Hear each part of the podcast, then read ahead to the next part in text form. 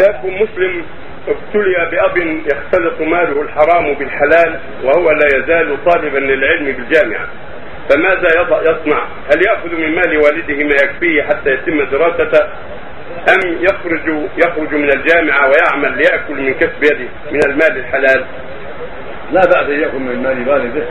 ما لم يعلم أن هذا الشيء محرم. هذا المال والده مختلف فله أن من مال مختلف له حقوقه على والده كدر ما لم يعلم أن هذا الشيء الذي قدم له حرام سرقة أو خيانة أو ربا إذا علم هذا فلا يفعل. أما ما دام مختلف يدخل ماله حلالا وحرام فلا حرج عليه حتى يغنيه الله من فضله.